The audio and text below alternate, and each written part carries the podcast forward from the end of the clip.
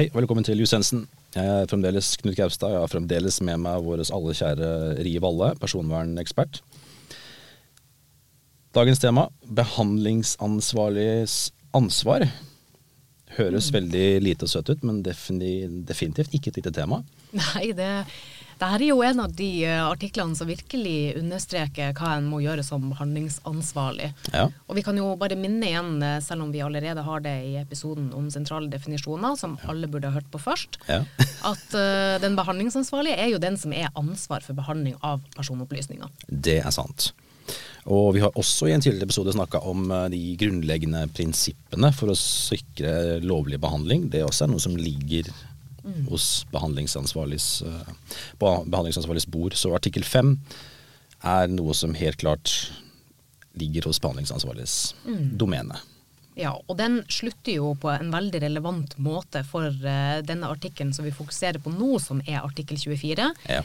Artikkel 5-2 som understreker den behandlingsansvarliges ansvar i en helt egen eh, liten tekst at eh, nå må du som behandlingsansvarlig sørge for at du klarer å påvise, altså faktisk bevise at du etterlever regelverket. Riktig. Riktig. Men det, det høres jo veldig fint ut, men hvordan, vi, hvordan gjør man det på en måte? Eh, hva, hva skal en behandlingsansvarlig gjøre for å, mm. for å faktisk vise at de har eh, fulgt opp sitt ansvar? da? Uh, vi kommer til å gå gjennom en del begreper og, og um, punkter nå som kommer til å være egne episoder på sikt. Mm. Uh, rett og slett for at uh, tematikken er såpass stor, så vi kan ikke ta for oss alle ting i dybde her. Så her vil mange ting bli egne episoder, rett og slett. Mm. Uh, men vi skal begynne med et sånn starting point. Nå har vi snakka om artikkel 5, vi har snakka om artikkel 24. Eh, er det noe mer vi trenger å tilføye eh, til selve dette med rollen som behandlingsansvarlig, før vi går videre på litt mer sånn konkrete ansvarsoppgaver man kanskje bør tenke på? Nei, sånn Oppsummert så, så, vil jeg jo si at uh, den artikkelen handler om at du må vise, mm. og, og, kunne, og, kunne, vise òg, at du har ansvaret. Ja. Så det er Her kommer vi inn på mye av det praktiske, da. Ja, det gjør vi jo.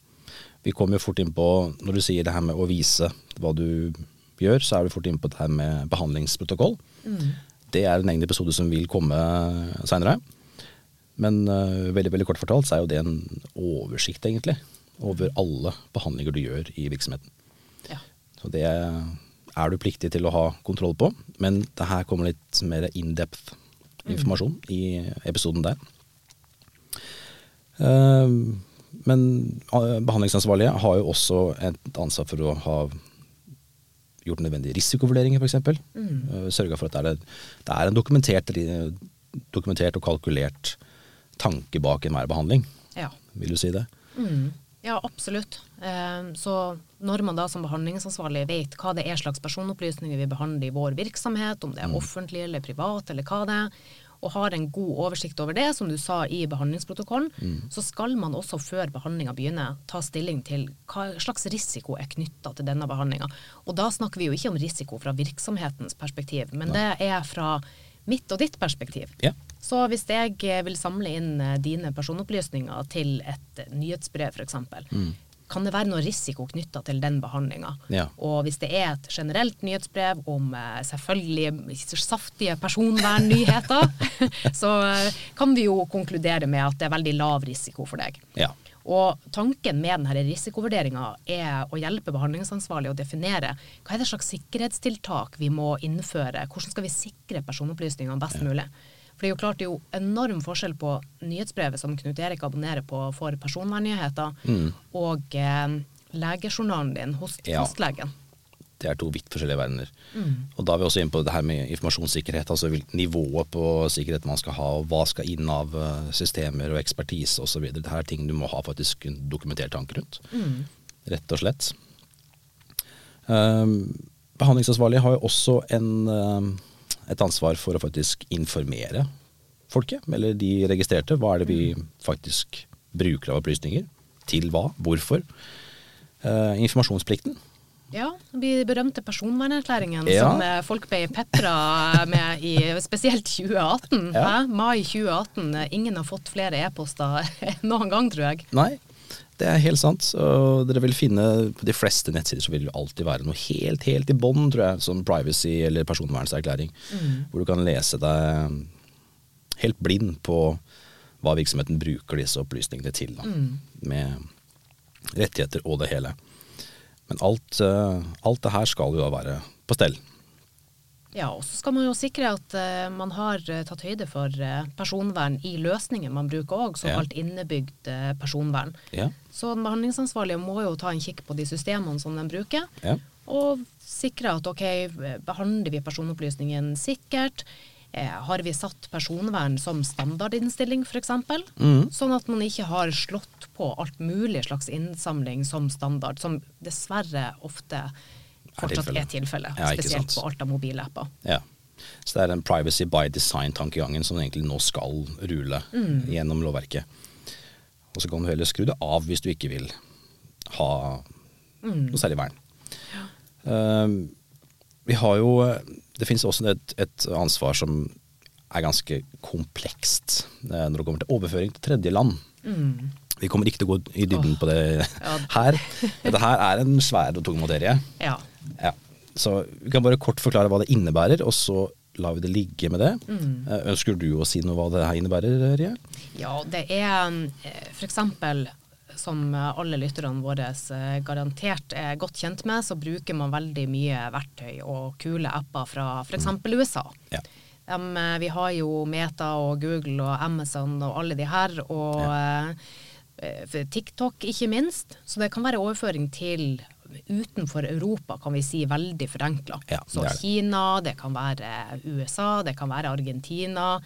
Utenfor eh, EØS-området, i alle fall. Ja. Og når man overfører personopplysninger fra herfra til disse såkalte tredjelandene, Ja. så må man ta høyde for at det skal være like sikkert og like bra som om du behandler personopplysningene i Norge.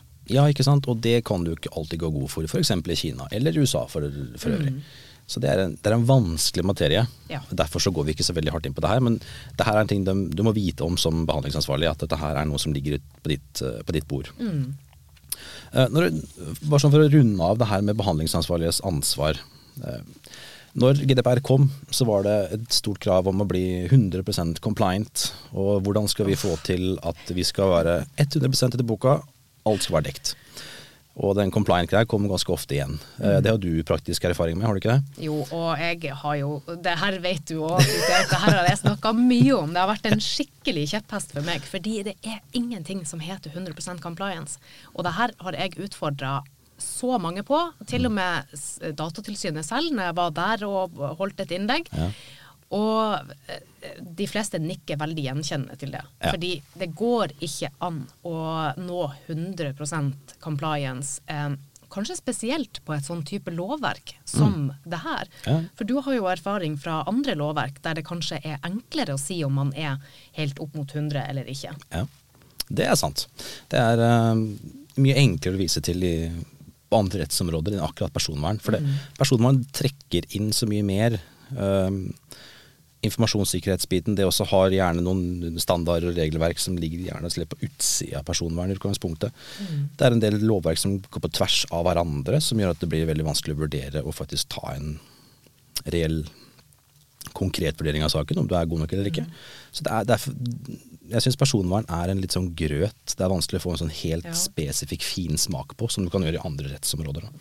Mm. Så det Vi kan med trygghet si at hvis dere ikke er 100 compliant, så er dere ikke aleine om det. Og dere kommer antageligvis ikke til å bli det heller. Ja. Bare sånn for å slå knuse den drømmen. Ja, og det var litt som vi starta med det her med risiko. Ja. Man skal ha en risikobasert tilnærming til lovverket. Og så er det også litt omdiskutert på det her med overføring. Men ellers så er det helt klart at man skal ha en risikobasert tilnærming til de behandlingene som man gjør. Ja. Og da er det veldig vanskelig å si. Eh, for det blir jo til dels subjektivt òg. Ja, ja. Har du lagt deg opp mot 100, 100 eller eh, kanskje noen andre mener at nei, nei, nei, det der er bare 75 Mm. Akkurat det. Og det, det, går litt også på utgangspunktet man har. Altså Er du en som er tungt inn i personvern og satt deg inn i, har peiling på informasjonssikkerhet, så er det kanskje enklere for deg enn for en som har en jobb som går på noe helt annet mm. enn personvern og informasjonssikkerhet. Du driver et enkelt transportfirma. Du aner ikke hva en personvernerklæring ja. er, behandling. Det er ikke det du fokuserer på. Mm. Så det, det, blir Utgangspunktene er vanskelige, da, sånn sett. Men eh, ja. så lenge man prøver i alle fall, å dokumentere mye av det man gjør, så er du godt på vei. Ja, og gå igjen til eh, den fantastiske artikkel 5, ja. og start der. Og lage en behandlingsoversikt, så du vet hva det er du har, og hva du behandler, og hvilke personopplysninger som finnes i virksomheten. Da er du i alle fall godt på vei. Da er du godt på vei. Uh, og med det så tror jeg egentlig vi kan runde episodene. For det vil jo komme en hel del episoder eh, både den batchen her og seinere hvor vi tar for oss mer enkeltstående tematikker som går på behandlingsansvarliges ansvar. Men da kan vi takke for oss nå, kan vi ikke? Jo. jo. Takk for i dag. Takk, takk. Hei.